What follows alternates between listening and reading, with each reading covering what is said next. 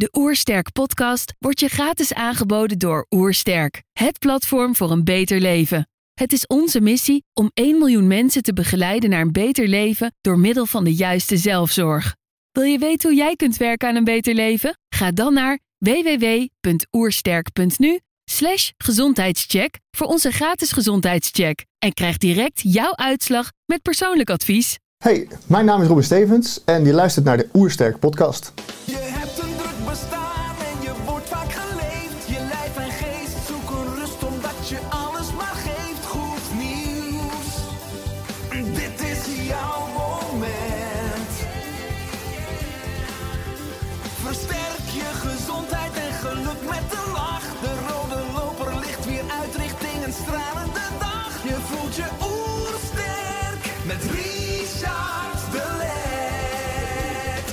Zijn hier in Heemskerk voor een podcast met Robin Stevens.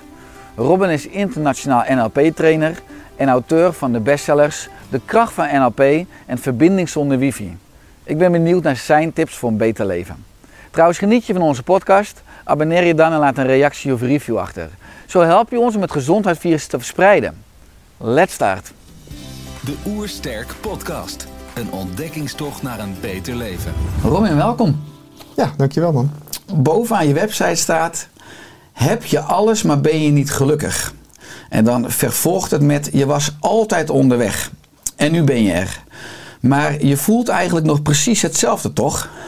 Terwijl je juist nu al die dingen hebt waar je gelukkig van zou moeten worden. Ik dacht bij het lezen van deze tekst: is de maatschappelijke droom die we allemaal najagen een illusie? Ja, in zekere zin wel denk ik ja. Het is een illusie die bedacht is door ons denken. Een illusie dat er een eh, dag gaat komen eh, die niet vandaag is, ergens in de toekomst.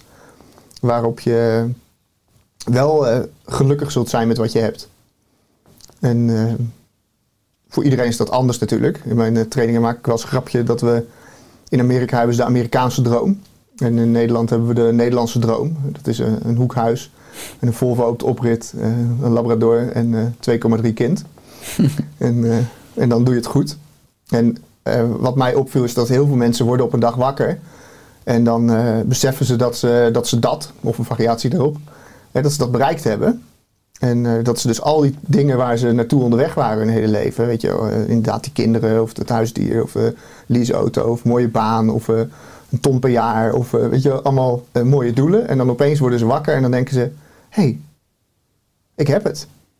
En dan beseffen ze zich op dat moment dat ze zich eigenlijk helemaal niet anders voelen dan in al die jaren daarvoor. En eh, nou, sommige mensen noemen het een midlife crisis. en sommige mensen bereiken het al eerder, een quarter life crisis of zo. Maar en dan ineens beseffen ze van, eh, nou, ik heb het eigenlijk allemaal voor elkaar. Ik was hier altijd naartoe onderweg. En eh, wat misschien wel interessant is, is dat voordat je, eh, voordat je dat bereikte, geloofde je dus altijd dat er een moment in de toekomst zou zijn waarop je gelukkig zou worden. En nou ja, dat is de illusie. Dus de illusie is dat er een moment gaat komen in de toekomst waarop wel alles goed is.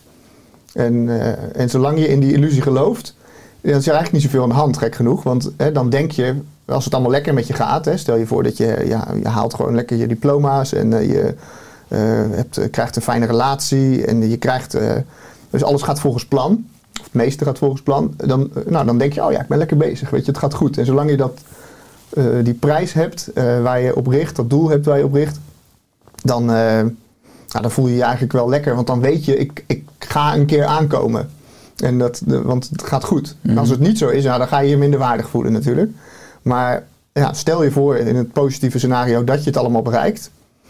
dan is het voor veel mensen is het, eh, het moment dat ze dat doel bereiken en dat ze er bewust van worden dat ze het allemaal hebben. eh, dat ze ineens beseffen van hey shit, ik voel me eigenlijk helemaal niet anders dan in de afgelopen jaren. Ik eh, voel me eigenlijk gewoon precies hetzelfde. Sterker nog, nu ben ik opeens doelloos. Want ik had altijd een doel om naartoe te leven. En, en nu dan? En, nou ja, en sommige mensen zijn dan heel slim en snel en verzinnen snel een nieuw doel. Dat is, dus een, een, eh, een Volvo wordt een grotere auto en een hoekhuis wordt een vrijstaand huis. En eh, nou ja, je kan het zo snel niet verzinnen. Eh, en dan, Dan verleng je het spelletje. ja, en dan, ah, dan kan het eigenlijk wel weer een hele tijd goed gaan. Dus zolang je maar blijft rennen, dan, dan voel je niet dat, het, ja, dat je je niet gelukkig voelt of niet happy voelt. Klinkt wat zwaar, hè, niet gelukkig. Maar het is, er is een soort innerlijke onrust of zo die, die je dan vooruit drijft. En, en op een dag ja, dan heb je dat doel bereikt. En dan voel je ineens. Eigenlijk is dat, vind ik, het meest positieve scenario. Is ook het meest. eh, eh, wanneer mensen, eh, onze deelnemers in onze trainingen, besluiten om zo'n training te gaan volgen, is vaak omdat ze zich beseffen van oké, ik heb nu de keuze. Of ik ga nog harder rennen en dan ga ik naar mijn volgende doel. Eh, of, ik ga, eh, of ik ga nu eens naar binnen kijken. Weet je, en ik ga eens ontdekken van hé, hey, wat is het nou eigenlijk dat me ongelukkig maakt? Zijn dat me, ongelukkig nogmaals, zwaar woord, maar zijn dat mijn externe omstandigheden? Wat er buiten me gebeurt? Of is het wat ik in mijn hoofd doe? Dat ik tegen mezelf zeg dat er nog meer moet gebeuren. Of dat ik voel dat ik me niet. Dat, dat, er, dat iets niet lekker voelt in mijn buik. Of eh, wat is het? Nou ja, en die vraag, eh, als je dat kan stellen, als je op een gegeven moment wakker kan worden en bewust kan worden eh, van dat moment. Nou, dat is eigenlijk een heel mooi moment. Want eigenlijk is dat een soort eh, eerste stap in je bewustwording of in je persoonlijke ontwikkeling. Dat je denkt, oké. eh, en nou, vaak ga je dan googlen. En dan kom je op een gegeven moment een keer bij zo iemand als ik. Eh, en dan begint het proces waar je de, het geluk niet aan de buitenkant gaat zoeken, maar aan de binnenkant. Ja, laten we daar zo dieper op ingaan. Want je zegt veel essentiële dingen in je antwoord. Aan de ene kant zie je universeel bijna in de maatschappij dat we geconditioneerd worden dat we dingen moeten hebben. Of de illusie hebben als we dingen hebben. Of als we dingen doen, dat we dan mogen zijn. Eh, waardoor je altijd iets nastreeft buiten jezelf. En anderzijds dat we ook vandaag opofferen voor een fictieve morgen. Of voor een gelukkig gevoel morgen. En dat is eigenlijk een beetje het mantra wat je misschien ook van veel opvoeders meekrijgt. Maar ook van het onderwijssysteem. Hoe kan het dat we eigenlijk dan maatschappelijk een verkeerde rode loper uitrollen? Dat dat mantra er nog steeds zo collectief is. Ja, gelukkig zijn is eigenlijk niet goed voor de economie. En dus als je, stel je voor dat, je, dat jij gelukkig zou zijn gewoon in dit moment. En dat je zou voelen van nou, ik kan wel gewoon lekker thuis gaan zitten en eh, ik eh, hoef geen eh, oersterk formule meer uit te rollen. Ik hoef geen plannen meer te maken voor de toekomst. Ik hoef geen hoekhuis, geen Volvo. Nee, precies. Nee, dan is het helemaal. d- dan voel je je helemaal oké in dit moment. En dan denk je dus, laat maar zitten. En eh, ik doe maar niks meer. Nou, even puur hypothetisch natuurlijk, maar stel je voor dat iedereen dat zou doen. Nou, dan zouden we helemaal geen producten meer kopen. En dan zouden we niet meer gaan werken. En dan zou de wereld niet meer vooruit gaan. En, of tenminste, misschien zou die juist wel vooruit gaan. Maar de economie zou in ieder geval niet meer vooruit gaan. En nou, dan houden we gewoon op. We gaan gewoon, eh. Dus ik, ik denk dat reclameboeren en eh, overheden en ehm, eh, eh, eh, fabrikanten, eh, dat die allemaal heel graag willen dat wij denken dat we spullen van hun nodig hebben om gelukkig te mogen zijn, of banen nodig hebben, of geld nodig hebben, of iets in die richting. Eh, want dan blijven we ze kopen. En je ziet dat heel vaak toch in reclames dat er de meest eh, idiote eh, producten, zoals eh, scheermesjes, worden gekoppeld aan dat je bijvoorbeeld een echte man bent of zo. Ja, dan zie je een echte man op televisie en dan zie je eh, op een strand met eh, een ontbloot bovenlijf, helemaal gespierd, helemaal bruin en alles erop en eraan. En allemaal vrouwen eromheen. Nou, dat wil natuurlijk elke man. En dan eh, vervolgens twee seconden later laten ze scheermesjes zien. Nou, als je er rationeel over nadenkt, dan weet je die twee dingen hebben echt niks met elkaar te maken. Maar ze geven je de, de illusie dat, hè, dat er een soort emotie gekoppeld is aan dat scheermesje, namelijk de emotie van echt man zijn. En dat willen wij natuurlijk, we willen echte mannen zijn. Dus kopen we scheermesjes. Maar ja, dan moeten we wel eerst werken. Geld verdienen om die scheermesjes te kunnen betalen. Want anders moeten we met die roze uit de wegwerpbak gaan scheren. Ik weet niet of je dat wel eens geprobeerd hebt. Het scheermesje van je vriendin. Maar dan voel je je op de een of andere manier toch minder mannelijk. Veel sneetjes ook, ja. ja. ja. En eh, dus, nou ja, dus er ontstaat. eh, en zo kan je dat natuurlijk langs allerlei dingen heen leggen. En zeggen van oké, dus ze willen heel graag dat wij een product kopen of dat we dingen blijven doen, zodat we dan blijven rennen. En als iedereen dat maar gelooft, als jij een mooie auto koopt, wil ik er ook een. Eh, Dus eh, nou, dan moet ik ook wel hard werken. En als wij er allebei een hebben, ja, dan wil die derde persoon er ook een. En zo gaat het. Zo blijven we doorgaan. Ja, zo blijven we als collectief in het hamsterrad zitten. Ja. Uh, je bent auteur hè, van twee boeken. Ze staan hier beide op de tafeltjes voor de kijkers. Onder andere dus De kracht van NLP in persoonlijke ontwikkeling. Wat is NLP ook precies voor jou? Ja, het is goed dat je dat, je dat aan toevoegt. Want eh, wat NLP precies voor mij is. Dat, kijk, voor mij, eh, eh, ik was een jochie van 24 en toen had ik eigenlijk alles, maar was ik niet gelukkig. Hè? Dus dat komt ergens vandaan. En, eh, en toen ontdekte ik NLP. En gewoon eigenlijk per toeval, omdat mijn moeder stuurde me een mailtje van een opleiding. En toen dacht ik, goh, misschien is dat wel wat voor me. Eh, en toen leerde ik in die opleiding dat je, eh, dat je met NLP kon leren om gelukkig te zijn zonder reden. En ik was, eh, tot dan toe was ik eigenlijk heel hard bezig geweest zeg maar, om gelukkig te worden met een reden. En, en die trainer die stond toen doodleuk te vertellen dat dat helemaal niet nodig was. En dat je ook gewoon gelukkig kon worden zonder reden. Dus toen dacht ik, goh, hoe werkt dat dan? Weet je, hoe kan je nou gelukkig worden zonder...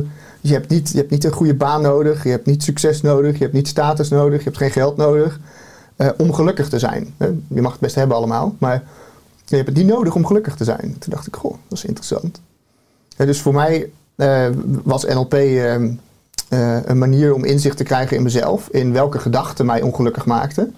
En welke gevoelens mij ongelukkig maakten. En welke herinneringen uit het verleden me ongelukkig maakten. Plaatjes in mijn hoofd.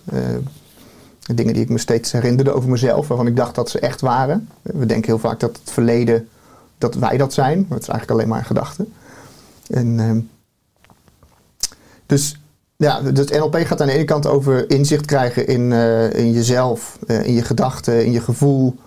Eh, en ja, je zou kunnen zeggen daar een soort van controle over krijgen. Dus dat je, je leert om, om die plaatjes die je maakt in je hoofd en die gedachten die je denkt en die gevoelens die je voelt in je lijf, om die te beïnvloeden. En op zo'n manier dat je je gelukkiger gaat voelen. En dat je, dat je, dat je lekkerder eh, in je vel zit. Nou, dus voor mij is dat de kant van NLP die, het, eh, die ik het meest eh, interessant vond aan het begin. En dat is ook waar de kracht van NLP over gaat. Die andere kant van NLP, dat is waar dat tweede boek over gaat, gaat eigenlijk over verbinding maken, gaat over gesprekken voeren. En dat gaat over coachen, verkopen, presenteren, interviewen, eh, al dat soort dingen. Eh, dus wat wij nu aan het doen zijn, en dat is eigenlijk waar dat eh, tweede boek over gaat, hoe je dat op een goede manier doet.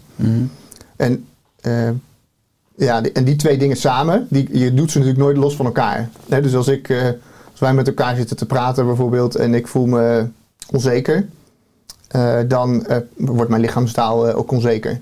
En dan worden de woorden die ik zeg eh, ook anders. En eh, dan ga ik andere dingen zeggen, eh, anders klinken, eh, eh, nou, al die dingen samen. Ja, dus het, ja, natuurlijk, je kan ook alleen maar die alleen zelfkant van NLP doen als je in je eentje bent. Zorgen dat je happy bent in je eigen hoofd. Maar vaak zodra je in een gesprek bent, dan is het eigenlijk dat hele plaatje. Dus het is en effectief communiceren met jezelf, de juiste dingen denken, inbeelden en voelen. En effectief communiceren met anderen. Eh, dus de juiste dingen zeggen, eh, laten zien met je lichaamstaal eh, en uitstralen met je hele energie. Nou, dat samen is wat, wat NLP voor mij in ieder geval is. Ja, ik zal straks al wat dieper ingaan op je tweede boek. Hè. Als ik kijk naar dat eerste boek, De kracht van NLP, heb je ook een hoofdstuk met een eh, prikkelende titel, namelijk eh, We zitten in een kooi, maar zien de tralies niet. Eh, Wat bedoel je hier precies mee? Ja, dat is een goede vraag. Het is lang geleden dat ik het geschreven heb. Ehm, ik geloof dat, dat het idee van, dit, van dat artikel was dat, eh, dat, we een, dat we een soort kooi hebben geconstrueerd voor onszelf met ons denken, met de gedachten die we, die we hebben. En die gedachten komen vaak vanuit onze opvoeding. Eh, onze ouders hadden bepaalde overtuigingen over hoe je moest leven. Het begint bij hele simpele dingen. Hè. Dus eh, mijn moeder zei bijvoorbeeld altijd: eet eerst een boterham met kaas eh, en eet er dan een, eh, of één met gezond en dan met zoet. Hè, dat was een soort idee over hoe je, hoe, hoe- hoe je moet eten. En of dat gezond is, nou, daar weet jij meer van dan ik. Eh, maar eh, dus, oh, dat kan een idee zijn. Dus je creëert een idee dat je eh, met, met, met, die, met die gedachte dat je gezond moet eten. En eh, nog zoiets anders geks. mijn moeder die deed vroeger deed ze, reed ze langs de, reden we naar Theater Carré in Amsterdam. En dan kwamen we langs van die hoge flatgebouwen. waarvan die hele kleine, hoe moet ik het noemen? Flatjes, eh, appartementjes waar mensen woonden waren. En dan zeiden ze, nou jongens, als je nou niet goed je best doet op school, dan kom je later daar te wonen. Ja, dus wij dachten, oh, dat klinkt dus niet als iets positiefs. Mijn ouders waren ondernemers, we hadden een grote mooie villa ergens in het bos. En dan dachten wij, nou, Dan willen we niet wonen. Weet je? Dus we dachten, we moeten ons best doen op school. Want anders komen we daar te wonen. Ja, en zo eh, we kunnen de rest van de dag doorpraten over allemaal van die ideetjes die ouders, en niet alleen je ouders, maar ook je vrienden en familie, allemaal in je hoofd stoppen. Allemaal imprints. Ja. En, eh, ja, en eigenlijk is dat NLP, hè? dat is neurolinguïstische programmering. Dus je krijgt, je wordt geprogrammeerd om te denken dat dat echt is. Eh, en dan op een gegeven moment dan ben je af. Hè? Rond, eh, ergens, eh, ik weet niet, rond je twintigste of zo denk ik. En, en heb je ook lekker veel beïnvloeding gehad van je leeftijdsgenoten en van school en al dat soort dingen. En dan heb je een soort kooi gecreëerd met je denken. eh, waarvan jij denkt, nou dit is hoe de wereld werkt. Zo ziet de wereld eruit. En dit is wat echt is. En, eh, wij, en wij denken dat die wereld echt is, omdat we om ons heen verzamelen we altijd mensen die een beetje op ons lijken. En eh, dus we, eh, we we zorgen dat we, als wij als we ondernemers zijn, dan zoeken we ook andere ondernemers als vrienden bijvoorbeeld. Dan denken we, ah, ondernemer, dat is normaal, weet je, je moet ondernemen. Vond ik grappig toen ik mijn vriendin ontmoette bijvoorbeeld, dat in mijn vriendengroepje was iedereen ondernemer. In haar vriendengroepje was niemand ondernemer. Dus we zoeken mensen die op ons lijken en dan denken we, dat is normaal. Ondernemen is normaal. Toen wij elkaar ontmoetten, dacht zij, hé, hey, dat is raar. Weet je, ik ken niemand die ondernemer is. Dat is vreemd. Nou, vrij positieve gedachte misschien. Dat ondernemer goed is of niet ondernemer goed is, maakt niet uit. Maar mijn vriendengroepje had grappig genoeg niemand gestudeerd. In haar groepje had iedereen gestudeerd. Iedereen had universitaire opleiding gedaan, bij ons niemand. Dus het kan ook zo'n ding zijn. Hè? Dus het, is belangrijk om een schooldiploma te halen. Je kan je in geloven. En eh, als je hem hebt, is het goed. Eh, maar als je hem niet hebt, kan je je dus heel minder waardig gaan voelen omdat je dat niet hebt. Als je in het verkeerde groepje zit. Nou, het zijn allemaal ideeën en overtuigingen die je in je hoofd kan hebben over hoe de wereld werkt. Eh, en je gelooft dat ze echt zijn, totdat je erachter komt dat er andere mensen zijn die andere dingen geloven. En dat het ook gewoon oké is. En dat die zich ook gewoon prima voelen. Eh, dus, nou ja, en daarmee, ja, moet je het simpel samenvatten? Je creëert dus eigenlijk een, eh, een soort denkbeeldige kooi die eh, bestaat uit ideeën en overtuigingen. En eh, zolang je die overtuigingen gelooft, dan is dat jouw wereld. Dan, dan zit je daarin. Pas als je van de buitenkant ernaar gaat kijken en gaat zien van... hé, hey, wacht, er zijn ook mensen die het heel anders doen. Een mooi voorbeeld vind ik iemand die in mijn training zat. En die, die zei van, ik, het leven is hard werken. Je moet altijd hard werken. Het is heel belangrijk om hard te werken. En, eh, en die was, dat zag je ook aan. Weet je? Ze was helemaal, ze was wel wat ouder in de, in de 50. Weet je? Helemaal een, een dikke huid had ze, weet je, dikke groeven in een streng gezicht, weet je, dat soort dingen. Ze was helemaal, geloofde helemaal dat ze hard moest werken, weet je. En nou, als je de psycholoog wil uithangen en dan wil uitzoeken van waar komt dat vandaan, en komt er waarschijnlijk bij opvoeding of iets in die richting uit. En wat veel interessanter is, en dat is de manier waarop we er in NLP naar kijken, vind ik, is dat je, eh, dat je dus kan zien dat het eigenlijk die gedachte is, die overtuiging, die veroorzaakt dat ze zo hard blijft werken. Het is niet echt zo dat je hard moet werken. Het alleen zij heeft die gedachte voor zichzelf. Ja, gedachte kan ook zijn, alles moet perfect zijn. Alles, moet, alles moet kloppen. En die gedachte kan heel motiverend werken. Dan ga je heel veel mooie dingen doen. Maar het kan ook heel beperkend werken. Want misschien is het nooit, nooit perfect. Nou ja, volg je het idee een beetje? Ja, mooi. Ja. Wat je Ja. zegt is eigenlijk, eh, wat je gelooft is waar. En we hebben als mensen allemaal onze eigen werkelijkheid, wat dus eigenlijk los staat van de waarheid, voor zover je die kan pakken natuurlijk. Als je het hebt over, we worden allemaal geprogrammeerd, als we fictief allemaal perfect geprogrammeerd zouden worden, of als we, eh, nou, eh, de waarheid zouden kunnen aanraken, hoe zou dat er dan uitzien? Of wat is uiteindelijk dan waar? Dat is dan misschien de concrete vraag. Want Ja, die vraag heb ik mezelf ook wel eens gesteld, ja. interessant. Het is dat je... Volgens mij bestaat de waarheid niet. En eh, dus het, is, het wordt allemaal gecreëerd door je denken. En, eh, en ik begin mijn trainingen vaak met eh, tegen mensen te zeggen... van geloof alsjeblieft geen woord van wat ik zeg. Of neem mij niet te serieus, op zijn minst. Want ik zeg alleen maar eh, ja, wat ik geleerd heb. En eh, iedere keer dat ik, eh, dat ik denk dat ik het snap, dan komt er weer een, nieuw inzicht. En dan blijkt dat, dat het toch totaal anders is. Dat, ik vind dat, dat voorbeeld wel leuk over die, over die boterham met gezond en dan een boterham met zoet. Dat was, mijn moeder vond gezond eten heel belangrijk. En die zei, ja, het is gewoon belangrijk, moet je gewoon doen. En, dan, en dat was dan een voorbeeld van hoe zij dat zag. Weet je, glas melk erbij en zo. En nou, wij waren be- best wel jong dat we met eh, gezond en bewust leven bezig waren. Ik moest er trouwens aan denken dat ik toen in zo'n biowinkel voor het allereerst jouw boek eh, zag liggen. En dat was echt, toen wij ermee bezig waren, was dat echt nog in de tijd dat mensen biologisch aten. Liep iedereen nog met geitenwolle sokken. En de gemiddelde leeftijd was drie keer zo hoog als die van ons. En eh, nou, nu is het natuurlijk gelukkig veel meer mainstream geworden. Maar toen ontdekte ik pas ontdekte ik hele andere dingen over gezondheid. Weet je? En toen dacht ik, hé, hey, dat is interessant. En toen geloofde ik dat. Maar een paar jaar later geloofde ik weer hele andere dingen. Toen geloofde ik dat. Maar wat is nou waar? Weet je, wat... eh ja. Goeie vraag. Ja, het is interessant als je het hebt over het denken en ook de kracht van onze geest. Want in het boek eh, heb je ook een hoofdstuk over het placebo-effect. Eh, wat vind jij hierin? Of hiervan eigenlijk, van het placebo-effect? En hoe kunnen we dat misschien ook beter gebruiken in het leven, het onderwijs, in de geneeskunde?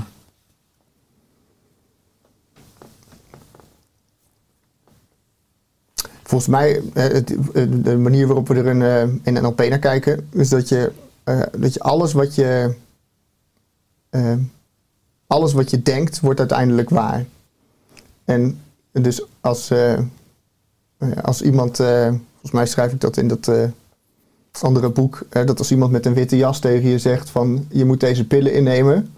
eh, daar word je beter van. In de discotheek 's avonds? Ja, Ja. precies dat verhaal, ja. En eh, Ja, dus als mensen het zeggen s'avonds in de discotheek, je moet deze pillen nemen, dan heb je een hele andere blik en dan denk je, nou, die neem ik niet, want het is drugs. Of natuurlijk, ja, Ja, dus, dus dat is afhankelijk van de context. ja. Het autoriteitsprincipe, wat je hierin ook beschrijft. Ja. Ja.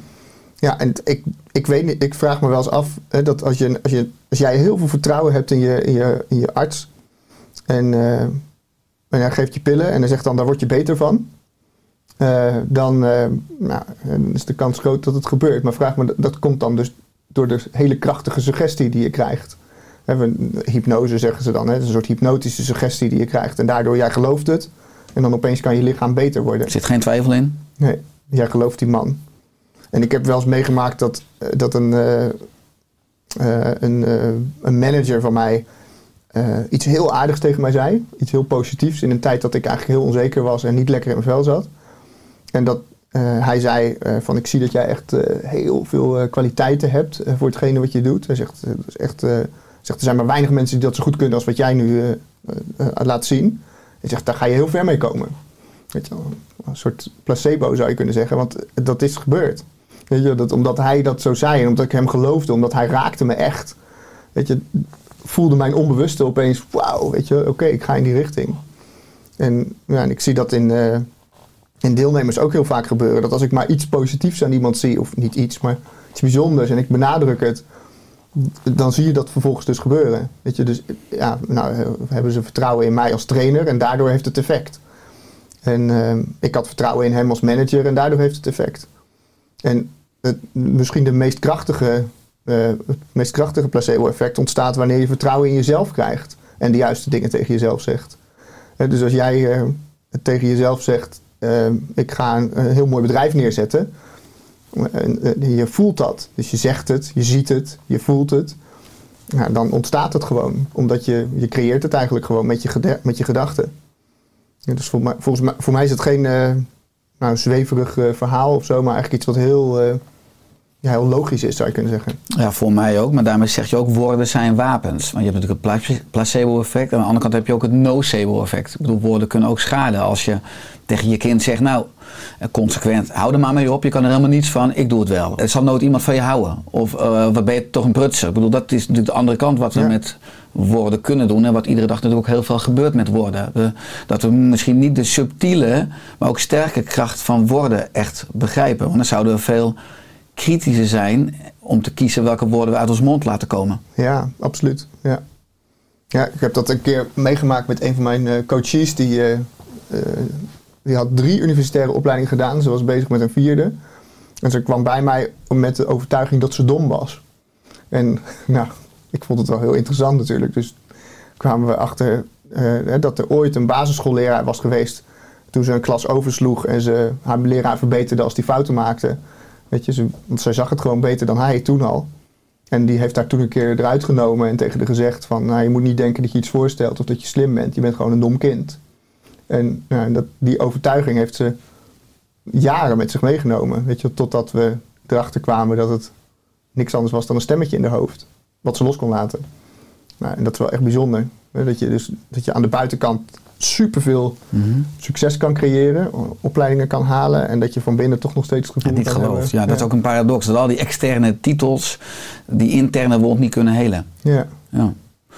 Ja, want als ik terug ga naar jouw levenspad. Je zei net dat je 24 was. Hè, 15 jaar geleden volgde jouw eerste training op het gebied van persoonlijke ontwikkeling. Mhm. Eh, en dat gooide jouw leven compleet ondersteboven. Eh want je had toen een baan als accountmanager. Eh, wat gebeurde er precies in jou en welke keuzes heb je toen gemaakt?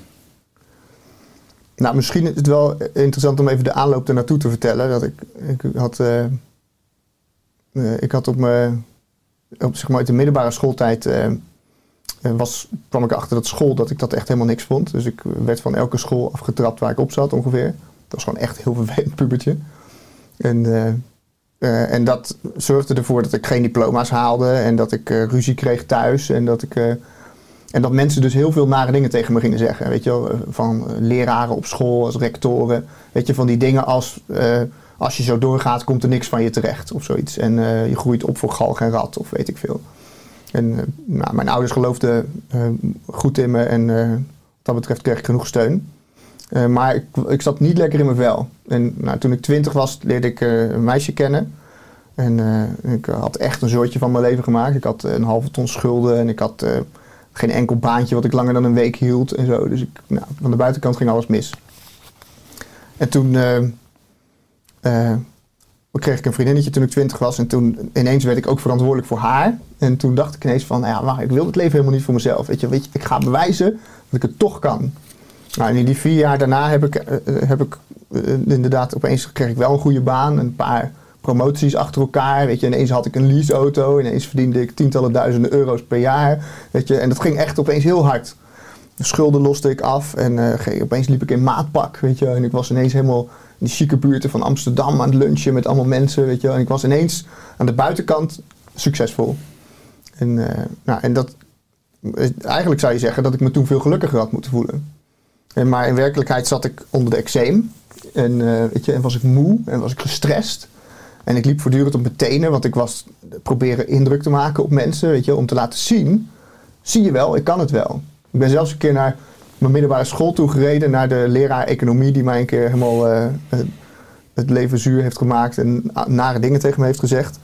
En een meloenstrookje laten zien, weet je. Laten zeggen, jij hebt tegen mij gezegd dat er nooit wat van me terecht zou komen. Kijk maar, het is toch gelukt, weet je. Kijk, dat is mijn auto en jij gaat met de fiets, weet je. Gewoon zo boos was ik, weet je, om te laten zien van, kijk maar, ik kan het toch. Wat was de reactie?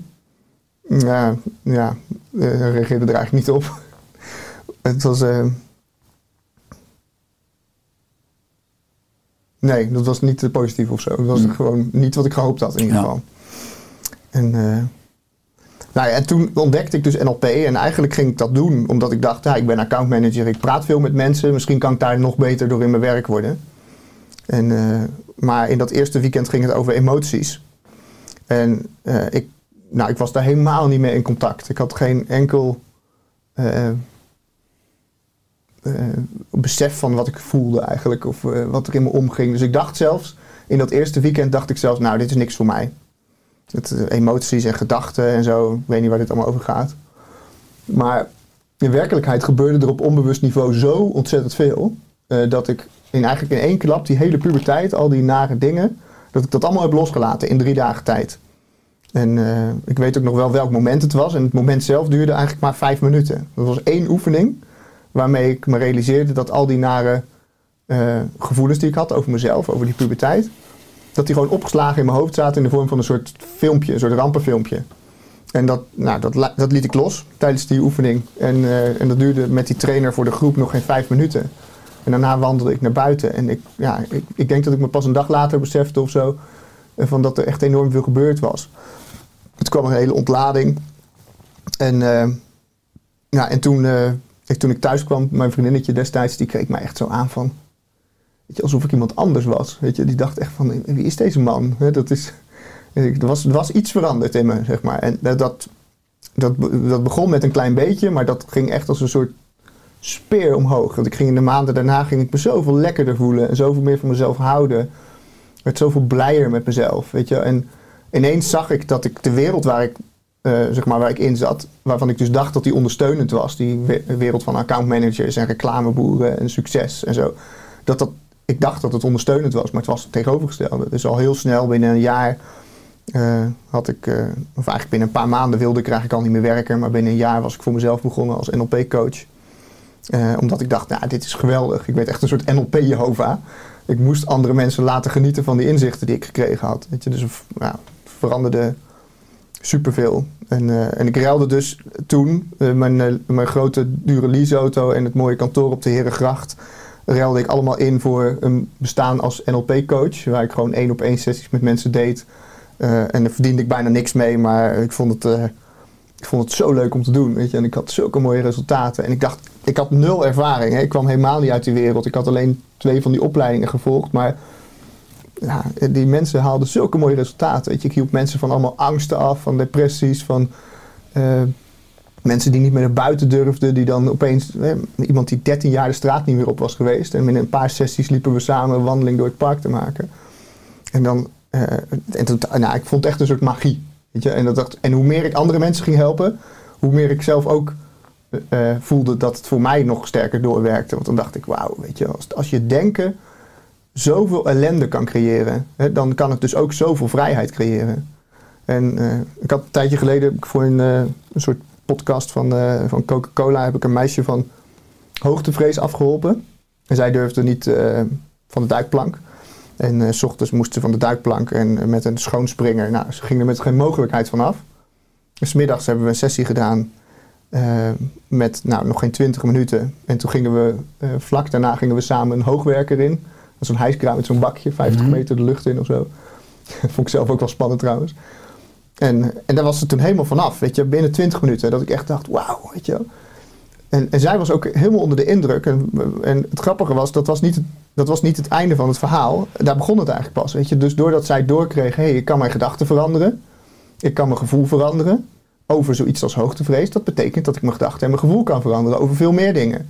En zij heeft daardoor veel meer zelfvertrouwen gekregen. Af en toe stuurt ze me wel eens berichtjes van dat ze een relatie die moeilijk was, die heeft ze eh, verbroken. En dan zegt ze, nou, ik heb gewoon NLP toegepast.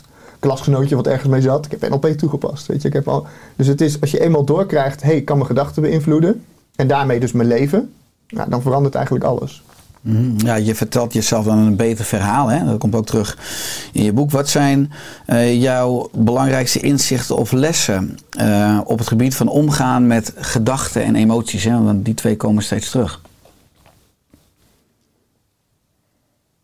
Hoe kunnen we on- onszelf misschien dan concreet ook als mensen luisteren of kijken, ook een beter verhaal vertellen? eh, dus ook beter omgaan met onze gedachten en emoties. Wat, wat voor mij, eh, als je, een beetje afhankelijk van wanneer je dat eh, vraagt. Als je, dat, als je het me nu vraagt, zoals ik er nu naar kijk, dan denk ik, door de tijd heen is het nogal eens veranderd. En met NLP leerde ik eh, dat ik eh, in plaats van negatieve ook positieve gedachten kon hebben. En later ging ik me verdiepen in spiritualiteit, ergens eh, vanaf 2012. Eh, en toen ging ik stilte volgen. En, en toen was ik dus heel lang alleen met mijn gedachten. Weet je, voor een, dag of vijf of zo in het begin. En op een gegeven moment werden het tien dagen. En ook zo een paar keer gedaan op verschillende plekken. En toen ontdekte ik steeds meer dat, dat gedachten... Dat je, zeg maar, dat je gedachten eigenlijk een soort van ontvangt. En ze, eh, je doet er niks voor. Eh, ik was op, bijvoorbeeld in Portugal eh, een retreat aan het volgen. En dan liep ik gewoon rond eh, in mijn eentje, in stilte. Dan was ik al een dag of vier, vijf stil. En dan ineens was er een gedachte over iets nou, wat nergens door getriggerd kon worden. Wat, eh, want ik was daar, je had geen boeken, je had geen afleiding. Ik was daar alleen. was er gewoon een gedachte. En, eh, en die gedachte die, eh, die kwam gewoon langs. En dat was een gedachte aan iets eh, waar ik al heel lang niet aan gedacht had. Ik weet niet meer precies wat het was, maar... en ik herinner me dat ik die gedachten... Je hoort het wel eens in meditaties, hè, dat het wolken zijn die voorbij drijven. Of zo. En ik ervoer toen echt dat dat gebeurde. Weet je, dat ik dacht, oké, als ik dus niet engageer met die gedachten... Als ik er gewoon... Ik zit hier gewoon en ik ontvang nu deze gedachten. Nou, dan komen ze en dan gaan ze weer. Dus eigenlijk hoef je er niets voor te doen. En je hoeft er, je hoeft er niets mee te doen. Dus als je ze serieus neemt, als je ze gaat geloven, eh, dus eh, komt een gedachte langs en je neemt die gedachte heel serieus. Je denkt, dat is echt. En dan ga je hem vastpakken en ga je er nog langer over nadenken. En, eh, en dan gaat die gedachte gaat een emotie vormen in je lijf. En dan komen er allemaal chemische processen op gang. Weet je, en dan ga je dat echt voelen. En dan vervolgens ga je je gedrag aanpassen. En dan ga je dingen doen vanuit, dat, vanuit die emotie. En voor je het weet, hè, dus je gedachten vormen je emoties. Je emoties vormen je gedrag. En gedrag wat je steeds herhaalt, dat noemen ze wel eens je karakter. Hè, dus, en, dat vormt dan je leven. En maar als je helemaal aan het begin staat van, die, eh, van dat patroon, dus je ziet op een gegeven moment zo'n gedachte komen, en denk je, oh ja, daar heb je die gedachte weer.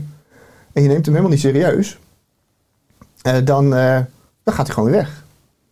En daar moet je wel een soort van de ruimte voor hebben, hè? want als je al helemaal in dat gedrag zit, nou, dat is lastig.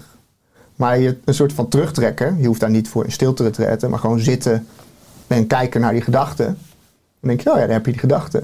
En dan eh, hem niet serieus nemen. Dus gewoon denken, oh ja, hij mag er zijn. Ik hoef er niks mee te doen. Het, het, het hoort er gewoon bij. Ik heb die gedachte gewoon net ontvangen. Eh, en, eh, en dan gaat hij weer. Dus dat je jezelf meer gaat zien als een soort radiostationnetje. Eh, wat gedachten en emoties oppikt. Eh, eh, en in plaats van als dat jij de, de artiest bent die het liedje zingt wat uit de radio komt. Als je volgt wat ik zeg. Mhm, Zeker. Ja. En dat is, voor mij is dat wel echt de afgelopen jaren is het een, een heel interessante manier geworden om er naar te kijken. Weet je, dus dat je er, dat hoe minder je ermee doet, hoe meer er eigenlijk gebeurt. Hoe meer je weer, je, je, je gedachte is eigenlijk vormen je levensverhaal. En als je gewoon kijkt naar je gedachten en er gewoon bent, dan ben je veel meer in afstemming met het leven zelf. Ja, het mooie is denk ik ook als je ja, gedachten wat meer loslaat, eh, dat je misschien wat beter uitkomt bij je kern door wie je bent. Hè. Ik vond het interessant dat je in een blog schreef dat de belangrijkste vraag die je jezelf kunt stellen is: wat wil je nu eigenlijk echt? Eh, welke antwoorden hoor je meestal op deze vraag? Oh, dat is echt. eh, eh, eh, dat blog was redelijk recent geschreven, geloof ik. Hè? Dat Ja. Is, ja, en wat ik leuk vind om, om te doen, is in ieder moment een soort check-in moment te doen bij mezelf. Terwijl ik hier nu met jou zit. Weet je wel, gewoon eens even te voelen van hoe zit ik er eigenlijk bij? En dan, dan zit lekker in de stoel. En dan in dit moment te vragen, zeg maar, eh, het is niet per se een verbale vraag, maar gewoon te voelen van wat wil ik nu eigenlijk echt? En dan kan ik bijvoorbeeld zoiets simpels zijn als dat ik opmerk dat door, de, eh, door het gesprek dat ik eh, snel ben gaan praten of zo. Dan denk ik, oh ja, ik wil eigenlijk wel wat relaxter praten, weet je in dit moment. Ah, is oké. Weet je, ik voel enthousiasme en koffie die ik net op heb, denk ik. Weet je, dan denk ik, dan komt het te snel uit. Dan denk ik, oh ja, wil ik nu echt oh ja, iets meer ontspannen. Iets meer relaxen. En dat, in dit moment is dat dus zoiets simpels als dat. En, eh, eh, en dat als je dan die vraag, als je dat in elk moment doet, hè, dan, eh, ik kwam hier net bijvoorbeeld aanrijden en dan, oh, ik was wat te vroeg. Dan zit ik in de auto nog en dan kom ik aan en dan denk ik, oké, de meeste mensen checken in bij een telefoon. En, maar dat doe ik dan niet. Ik probeer eh, van die, ik noem het digitale detoxen te houden, weet je. Dus ik, mensen doen intermittent fasting, ik doe altijd intermittent detox of eh, digital fasting. Dus ik Mhm. lees mijn telefoon alleen tussen 12 en 8. En eh, dus s'avonds niet meer na 8 uur. En, Sterk, ja. ja, niet altijd hoor. Maar Mhm. als ik merk dat ik er last van krijg, dan start ik dat weer op. En, en dat is lekker. Want dan, het was natuurlijk nog geen 12 uur, dus dan ga ik even zitten. Ja, en dan voel ik even, wat wil ik echt? En denk ik, zal ik alvast naar Richard toe lopen? Ik, oh nee, ik loop eerst een rondje door de winkelstraat. Oh, loop een rondje. En dan ben ik veel relaxter, want ik heb net twee uur in de auto gezeten. Weet je, in een taxi en daarna met de auto. En word ik even relaxed voordat ik hier naartoe ga. En eh, door dat steeds te doen, weet je, door te zeggen, wat wil ik nu eigenlijk echt? eh, dan eh, krijg ik ook antwoord op de grotere vragen. Dus op de dingen die ik, die ik ja, ik heb verteld hè, dat, we, dat we op een katamaran zijn gaan wonen. Dat we ons huis verkocht hebben. En dat we daar een grote reis mee gaan maken. En eigenlijk eh, is dat met dank aan, eh, aan COVID. Eh, want die dwong me om mijn activiteiten, alles wat heel goed ging, al onze trainingen die altijd uitverkocht zijn, om dat allemaal los te laten. En om gewoon weer eens even te voelen. En te denken, wat wil ik eigenlijk echt? En dan dus te denken, oké, weet je, ik heb die droom voor over 20 jaar om eens een keer met zo'n boot een mooie reis te maken. Mhm. Waarom zou ik eigenlijk 20 jaar wachten? Weet je, dus ik wil het eigenlijk wel nu. Kan dat dan? Ja, kan wel, ja. Ja, moeten we wel een beetje blijven werken, maar het kan wel. Oké. Nou. En, dan, en dan is het niet daarmee klaar, maar dan ontstaat er opeens, komt er opeens zo'n droom dichterbij. Door echt te luisteren naar je gevoel. Terwijl als ik zou leven vanuit mijn agenda. eh, en ik, als, ik zei het, onze trainingen zijn zo vol dat we kunnen de ene na de andere plannen. En bedrijven blijven het maar vragen. Nou, dat zal je wel herkennen. Dan, eh, dan, kan ik, dan kan ik zo het hele jaar weer vol plannen. En de vijf jaar die erop volgen waarschijnlijk ook. Maar wat als ik dat nou eens niet doe? was echt een les het afgelopen half jaar sinds we. Hè, om gewoon steeds nee te zeggen. Weet je, als mensen zeiden: hey, wil jij eh, komen trainen? Dat ik dan zei: nee, ik kan niet. Ja, maar we betalen goed en eh, we hebben een mooie opdracht voor je. En dat is goed voor je naam. En, eh, nee, ik kom niet. Weet je, wat wil ik nu echt? Ik wil nu gewoon hier zijn, met de boot bezig zijn, plannen maken voor de reis. Is dat een antwoord? Ja, mooi. Want Ja. eh, in een eh, interview eh, zei je ook dat mensen jouw training volgen vanuit het verlangen om, te, om het leven te krijgen waar ze echt naar verlangen zelf. Hè? Ja. Eh, nou, zelf klinkt het alsof je ook echt het leven hebt hè, waarnaar je verlangt er ook continu in te tunen. Hoe voel ik me nu? Hoe voel ik me vandaag? Als je het hebt over de vraag, wat wil je nu eigenlijk echt? Hebben heel veel mensen ook grote dromen of dromen over een andere werkelijkheid?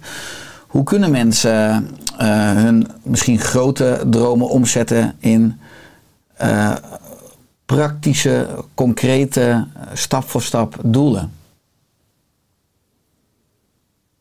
Maar, Er zijn heel veel mensen die nou zeggen, ja, dat kan nou helemaal niet. Hè. Ik, eh, ik heb een baan als accountmanager. Hè. Eh, Ik kan niet in de katamaran eh, een jaar gaan zeilen. Wat is het, zeilen, varen? Mhm. En vele andere variaties. Dat is ook een verhaal wat we onszelf vertellen. Ja. Ja, het is. Weet je, eerst willen wat je nu hebt.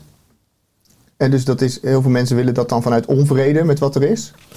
En ik geloof heel erg dat het goed werkt om gewoon eerst vrede te sluiten met wat er is. Toen ik die baan had destijds, leerde ik door NLP eerst om happy te zijn in die baan. Dus voordat ik ontslag nam. En dat klinkt misschien een beetje gek.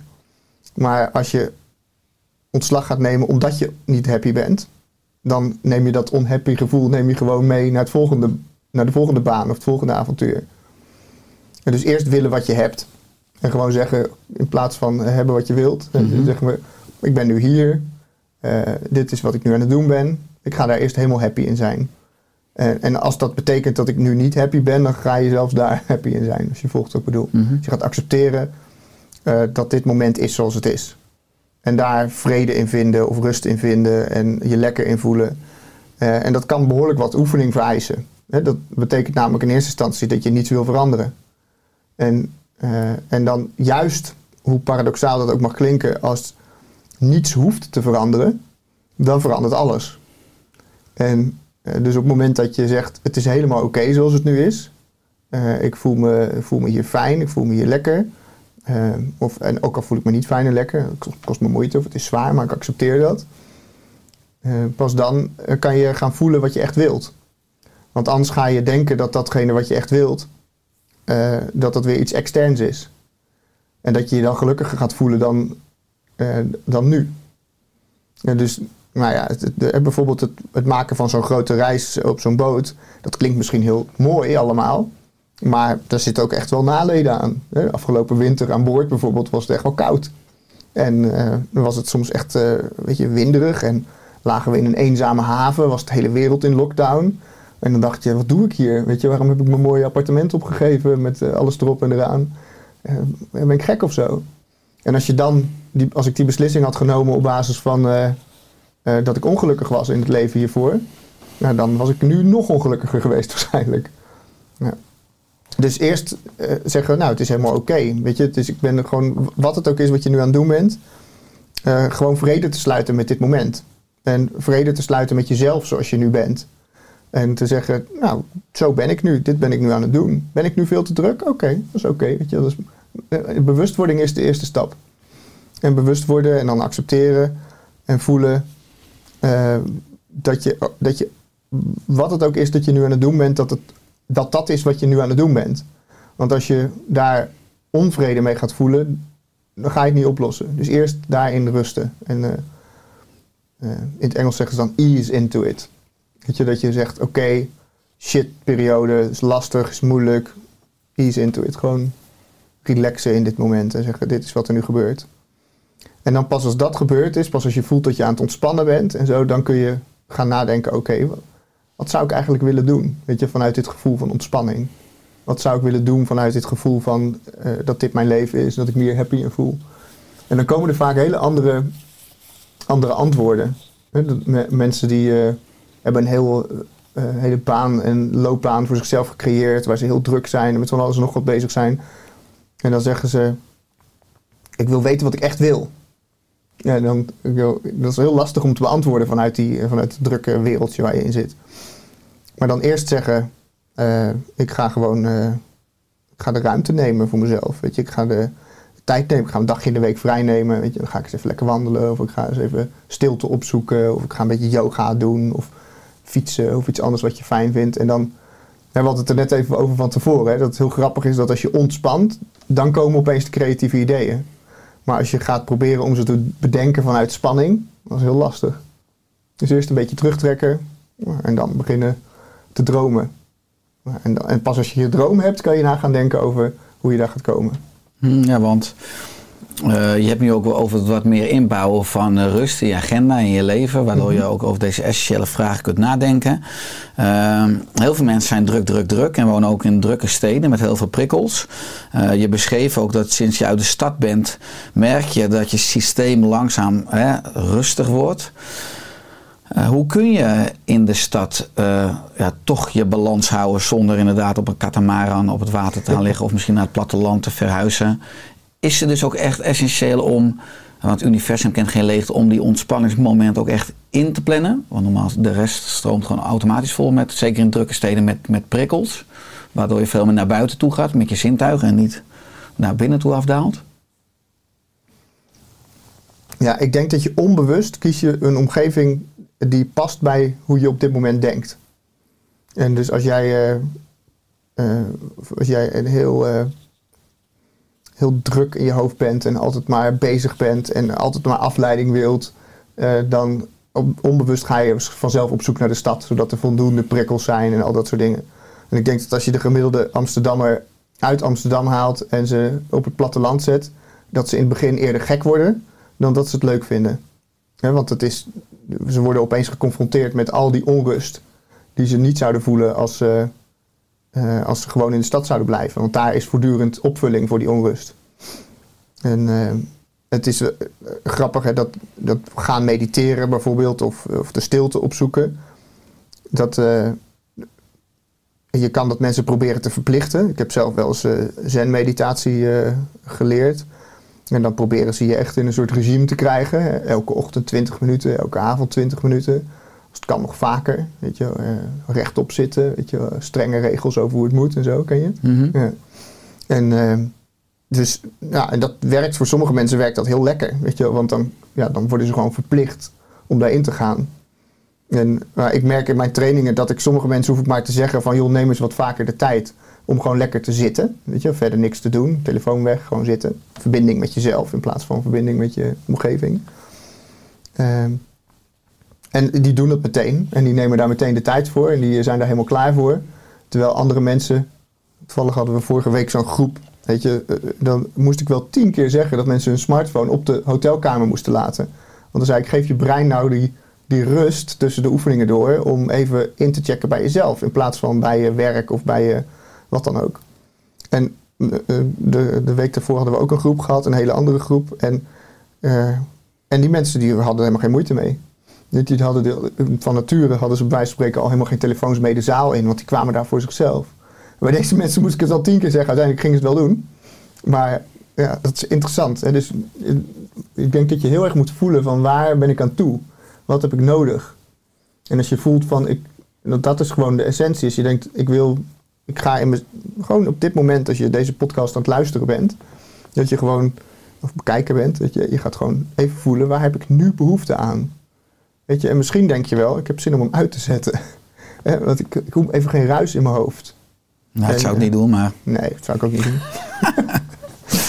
maar snap je wat ik bedoel? Mm. Dus gewoon, e- als je dat in elk moment jezelf aanwendt, eigenlijk moet je gewoon een timertje zetten op je telefoon, 60 keer per dag, eh, dat, je, dat je even wakker wordt. Dat die, eh, de beroemde monnik die onlangs is overleden, eh Thich Nhat Hanh, of hoe heet die? Mhm. Eh, spreekt waarschijnlijk niet goed uit, maar die hadden dat op dat landgoed, hè, dat je elke keer zo'n bel hoorde, zo'n gong. En iedere keer dat je die gong hoorde, dan werd je even bewust van wat ben ik nu aan het doen. En dat ga ik, ik laat even alles los, ik check even in bij mezelf.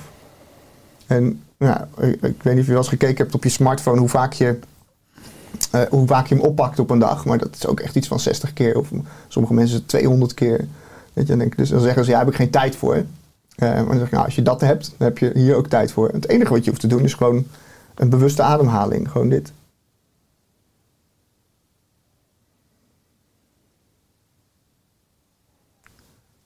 Dat is alles. Ja, mooi. Want dan heb je het ook echt over verbinding maken met jezelf. Nou, je bent auteur ook inderdaad van een tweede boek wat hier staat. Verbinding zonder wifi. Ehm, en daarin lees ik ook dat de moderne mens heeft eigenlijk veel oppervlakkig contact op social media, op die smartphone. En weinig ook diepe relaties. Terwijl we dat wel universeel, denk ik, als mensen ook verlangen. Hè? We zijn sociale dieren. Ehm, hoe kunnen we dit bijstellen? Ja, ook daar ontstaat het. Het begint weer met bewustzijn. Het begint met het bewustzijn dat je het mist.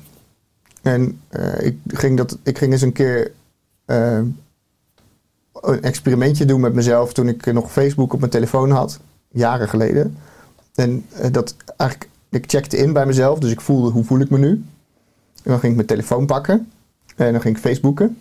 En dan ging ik, legde ik hem op een gegeven moment weer weg. Vaak later dan ik gepland had. Eh, en dan had ik hem weggelegd en dan checkte ik weer in bij mezelf. En dan zei ik, hoe voel ik me nu? En dan soms schreef ik het op.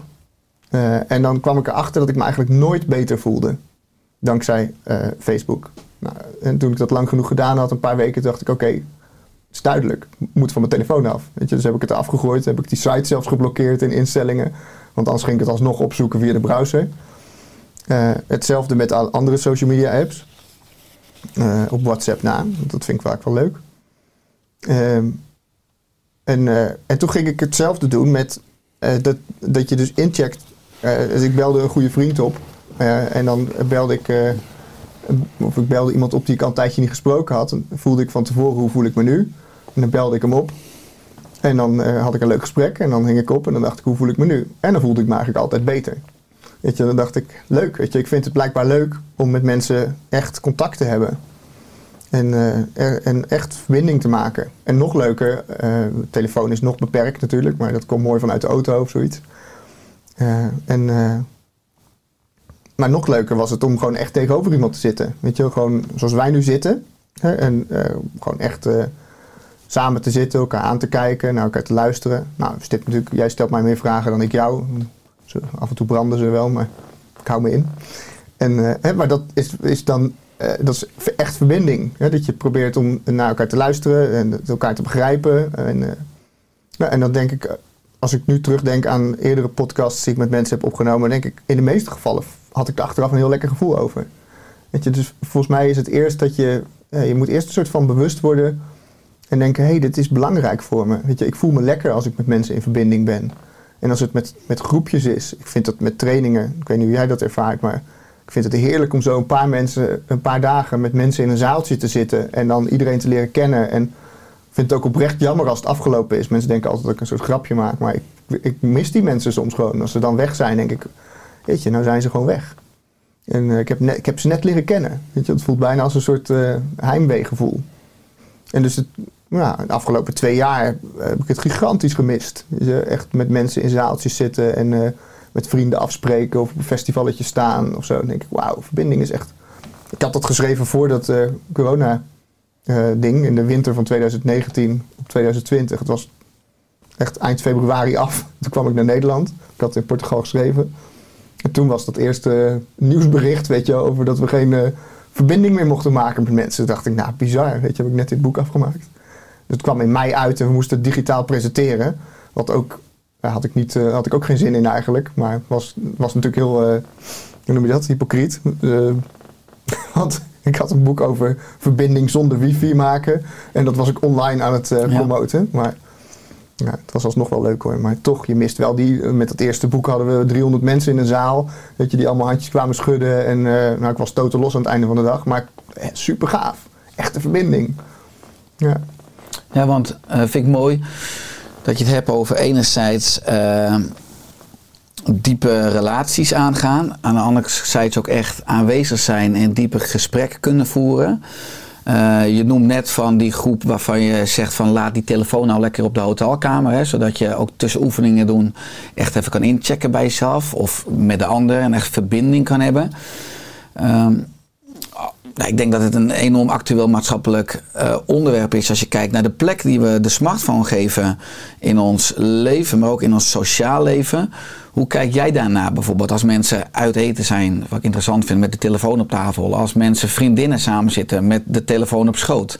In verjaardagen of in familie, overal eh, is die telefoon uit de broekzak op de tafel. Dus eh geef het enorm veel macht, letterlijk en ruimte. En als er geappt wordt of gebeld wordt, gaan we hem oppakken. Terwijl we met andere mensen in gesprek zijn of met andere. eh, we laten hem niet in de tas, we laten hem niet op stil in de jaszak in de gang hangen, we laten hem niet op de kamer. We, we zijn denk ik allemaal veelal verslaafd aan dat ding. Hè? Ook als je er wat terugkomt, als je hem 200 keer per dag oppakt of als je drie uur per dag op je smartphone zit. Maar, eh, dus het is een grote saboteur, is eigenlijk dan mijn stelling, in het eh, vermogen om diepe gesprekken en diepe relaties te kunnen opbouwen. Wat is jouw visie op eh, nou dan de smartphone ook met betrekking tot het aangaan van verbinding met jezelf en met anderen? Ja, we- weet je, kijk, ik denk om te beginnen denk ik dat iedereen gewoon voor zichzelf moet bepalen wat hij ermee wil. Want het, ik ben niet eh, degene die de waarheid in pacht heeft. Maar, Maar het is wel interessant dat we nooit les hebben gekregen hoe je, Hoe je goed dat door- ding voor je kunt gebruiken. Laat ik het zo zeggen, ook voor je relaties kunt gebruiken in plaats van tegen je. We zijn allemaal amateurs nu hoe we met het ding omgaan. En ik denk dat we hem allemaal, dat het, dat het apparaat ons leidt in plaats van maar fijn. ja, zeker weten. Ja. Weet je, wat, ik, wat, wat, wat interessant is, is volgens mij schrijft eh, eh, Mark Tichelaar schrijft dat eh, in zijn boek. Hè, die ken je ook. Focus aan. Ja, is ook natuurlijk vriend en ook in de podcast geweest. Ja. Ja. En dat, eh, dat, eh, eh, dat iedere keer dat, je, dat je wordt afgeleid door, door je telefoon, dat je IQ met 10 punten daalt of zo. En dus als je de hele tijd wordt afgeleid door dat ding, dan, nou, ben je eigenlijk je bent gewoon minder jezelf. Je functioneert minder. En ja, ik heb wel eens gehad dat ik vlak voordat ik een gesprek inging, dat ik dan op mijn telefoon keek en, en dan was ik in dat gesprek was ik de hele tijd bezig met wat ik vlak daarvoor op mijn telefoon had gezien. En dacht ik, god, dat is raar. Weet je, dat is vreemd. Dus ik denk dat het, het beïnvloedt je verbinding echt wel negatief. Die je met andere mensen kunt maken. En, eh, en volgens mij zijn ze in eh, Silicon Valley zo slim om ons verslaafd te maken aan dat ding. Dat je moet eigenlijk wel, als je er mee wilt minderen, moet je er hele duidelijke afspraken mee eh, over maken met jezelf. Zo duidelijk dat, dat, die, dat zij het je niet kunnen pakken, om het maar zo te zeggen. Het klinkt wat heftig misschien. Maar ik- volgens mij zag ik dat jij had ook een, eh, een, een tijdje een 3310 of zo, toch? Ja, die Nokia. Ja. Ja, zeker. Ja, Ja. Toen was ik ook helemaal klaar mee. Ik kon het niet goed kaderen en ik viel steeds weer terug in oude patronen. Ik denk, ik moet een radicale stap. Mijn smartphone verkocht en een Nokia 3310 Oh, gekocht. je had hem zelfs helemaal verkocht. ja, ja, Oh, ik heb daar eh, anderhalf jaar alleen een Nokia gehad. Zo, geweldig. Ja, Ja. ik, ik had, ik, ook- had bakken tijd over ineens weer. ja echt hè? Ja, echt hè? Ja. Had je ook in, ik had het ook gedaan, alleen ik had dan een dual sim. Dus ik gebruikte dan af en toe thuis mijn smartphone. En dan met uit eten gaan en zo en andere dingen nam ik alleen dat kleine... eh, ja, ik had een Alcatel of zo, weet je zo'n klein dingetje mee. Eh, Die alleen kon bellen en sms'en. Maar ik merkte dus in het begin dat ik ook de hele tijd dat ding aan het pakken was... om te kijken of ik er nog iets op kon doen, weet je wel. Gewoon Ik kon alleen maar sneken. Op een gegeven moment alleen maar sneken Oh, weer ja. op, de, ja, op de Nokia. Wel weer Ja. leuk, toch? Ja, dat was wel Ja. wel leuk, ja. ja. Ja. En, eh, maar nee, weet je, als ik met mijn vriendin uit eten ga, dan, eh, dan nemen we onze telefoon eh, niet eens mee. Of we doen hem in de tas. Of we zetten hem in ieder geval uit. En met vrienden probeer ik dat ook. Weet je, dat, ja, ik vind dat ook gewoon leuk. Weet je, om, om te kijken van kan ik, eh, kan ik het hacken of zo. Weet je, kan ik, het, kan, ik het, kan ik er mijn voordeel mee doen dat andere mensen daar zo last van hebben. Eh, en dat wil ik zelf gewoon niet. Mhm. Ja. Ja, misschien ook goed om daar sociale afspraken over te maken. Ik heb één vriendengroep. Als we eh, uit eten gaan, leggen we alle smartphones op elkaar, eh, midden op de tafel. En er worden mensen gebeld. Maar je mag hem pakken, maar degene die hem als eerste pakt, die betaalt de rekening. Ja, geweldig. Dus de- dat helpt ook. Zeker als je met een grote groep bent, want dat kan oplopen. Ja. Eh, als je het hebt over eh, jouw visie, eh, die je ook eh, prikkelend deelt in deze podcast. Je bent veelvuldig in de media, BNR Nieuwsradio, Radio 2, RTL 5, maar ook het Algemeen Dagblad. Wat levert dit je op, het planten van zaadjes? In welke zin? Wat levert hem op? Wat, Nou, misschien ook misschien dan weer een stukje persoonlijke ontwikkeling. Dat het leuk kan zijn om die ervaringen te hebben. Maar natuurlijk ook met je missie om je expertise en je wijsheid te willen delen aan meer mensen. Wat ik, wat ik heel erg leuk vind om te doen, is dat heb ik vanaf het begin af aan gedaan eigenlijk. Dat ik had gewoon NLP vond ik, eh, eh, vond ik zelf te gek. Ik had daar zelf heel veel aan. En eh, dat heb ik al verteld net. Hè. En, eh, en ik zag dus dat mijn, eh, mijn cliënten, mijn coaches, eh, mijn deelnemers, dat die daar ook heel veel aan hadden. En eigenlijk heb ik in die afgelopen 15 jaar heb ik niks anders gedaan dan als ik zelf een heel mooi inzicht had gehad. En daar heel veel over geleerd had, om dat vervolgens te gaan delen met anderen. En omdat ik gewoon, ik vond het dan zo gaaf dat ik dacht: oké, als dit voor mij heel goed kan werken, dan kan het waarschijnlijk voor andere mensen ook. En als dat dan ook nog werkte, nou, dat vind ik echt te gek. Weet je, dat is waar ik mijn levensgeluk uithaal. Eh, uit ehm, ja, mooie verhalen, weet je, dat mensen bij mij in de training zitten, dan bedenken ze dat ze een droom hebben om een eigen koffiezaak te beginnen. En twee jaar later heeft de, die jonge Ralf, heet die, eh, die heeft dan twee van die koffiezaken. Weet je, en eh, is, voelt zich er helemaal happy in. En dan zoek ik hem een keer op, weet je. En dan heeft hij zo'n mooie bruine schort om. En dan staat hij te glimmen, weet je. En dan denk ik, ja, dat is waar ik het echt voor doe. Ik vind dat in die trainingen die dingen vertellen leuk. En mensen prikkelen en motiveren en sturen en een schop onder hun kont geven. Vind ik te gek. En, maar het, het echte resultaat, ja, dat, soms merk ik er niks van mee. Soms mensen vertellen me het niet eens. Eh, maar als ik het wel meemaak, dan is dat voor mij wel echt dat ik denk: oké, dat is natuurlijk niet allemaal mijn verdienste, maar dat ik daar een klein steentje aan heb kunnen bijdragen, nou, dat vind ik helemaal geweldig. Het vormloze dat vorm wordt. Ja, Ja. precies. Ja. ja, het begint in je denken en dan ja, opeens is het er. Ja. En het is voor iedereen iets anders. Weet je, een vrouw die vrijwilligerswerk wilde gaan doen in, eh, in Afrika, waar ik gisteren toevallig over schreef, dat, ja, die dan eh, een grote droom had en die zei ook, moest ik net nog aan denken trouwens, dat en mensen hebben altijd allemaal redenen om het niet te doen. Hè? En wat de reden ook is. Wij volgen zo'n eh, zo'n zeilend eh, stelletje.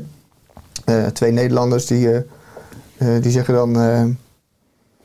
als titel van hun YouTube-kanaal hebben ze... Wat als je de loterij niet wint?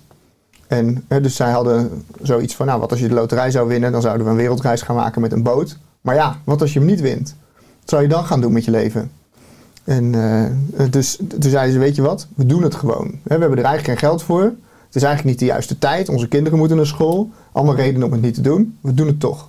We verkopen ons huis, we verkopen onze spullen, we kopen een zeilboot, knappen hem een beetje op en we gaan gewoon. En die mensen hebben nu anderhalf jaar geleden of zo zijn ze daarmee begonnen. En die varen nu ergens eh, rond Ibiza. Ja, dat vind ik te gek. Weet je, dan denk ik, dat is eh, mensen, eh, mensen inspireren om een gaaf leven te leiden. En weet je, happy te zijn met wat ze nu hebben, maar ook grote dromen te hebben. En onderweg te zijn naar wat ze echt willen doen. En ja, dat vind ik echt gaaf. Maar wat is jouw droom of missie voor aankomende jaren? Ja, dat is, het, het plan is dat we geen plan hebben. En eh, dus dat we hebben die boot. En we hebben daar. we hebben wel. we hebben altijd best grote groepen in onze trainingen. En we hebben nu wel eens het idee van dat het ons leuk zou lijken om eh, met die boot zelf te gaan varen. Daar is het een beetje goed in te worden. En dan mensen, eh, mensen mee te nemen. Er kunnen maximaal vier mensen aan boord eh, slapen. We hebben best een lekkere plek dan. Weet je, het is een katamaran, dus zij kunnen in de linker drijven. Wij wonen dan in de rechter. En om dan aan boord persoonlijke ontwikkeling te doen. Mijn vriendin die, heeft een yogaschool gehad in Amersfoort. We zijn ermee gestopt in de coronatijd. En eh, een beetje yoga aan boord, een beetje persoonlijke ontwikkeling aan boord. We zijn ook altijd met gezond eten en zo bezig. Weet je, een soort persoonlijke ontwikkeling, wat luxer aan boord, terwijl we een mooie reis maken. Samen met mensen. En dan, eh, dat is onze droom. En, en dan die mensen helpen om hun droom uit te tekenen en te bedenken en eh, mooie plannen voor te maken. En, en ondertussen geven we natuurlijk gewoon die, of gewoon, maar dat doe ik al zo lang dat het gewoon voelt. Eh, NLP, eh, zevendaagse NLP trainingen. En dat, ja, dat vinden we te gek om te doen. Eh, juist vanwege wat ik net zei, hè, dat, dat heeft zo'n positief effect op mensen. Ik vind bijvoorbeeld in company trainingen vind ik helemaal niet leuk. Het verdient goed, maar ik vind het verder niks aan. Wederzijds, ja. Ja? Mhm. Heb je dat ook? Ik ben er ook mee gestopt. Ja. Oh, wat grappig. Ja. Ja. ja. want dat heeft gewoon geen... Nou, het maakt geen impact op de lange termijn. Kijk, Nee. ja. Dus dat ik kon dus daar voldoening niet meer uit, uit Ja. krijgen. Grappig, ja. Dat ervaar ik ook heel erg zo. Dat ik dan denk, ja, wat heb ik, sta ik daar nou eigenlijk te doen? Weet je, mensen hebben er helemaal geen zin in vaak. Leidinggevende heeft me ingehuurd. Dus eh, ja, nee zeggen vond ik wel een uitdaging, maar... Ja. Ja, dus, eh, maar die zevendaagse, ja, dat vind ik gewoon... Daar, weet je, daar komen we gewoon af en toe voor eh, naar Nederland. En dan, dan gaan we dat doen. Of we doen het in het buitenland, hebben we ook al eens eerder gedaan. Ja, dat is gewoon gaaf. Mooi. Ron, is er einde van de podcast nog, nog iets dat je graag wil toevoegen of aanvullen?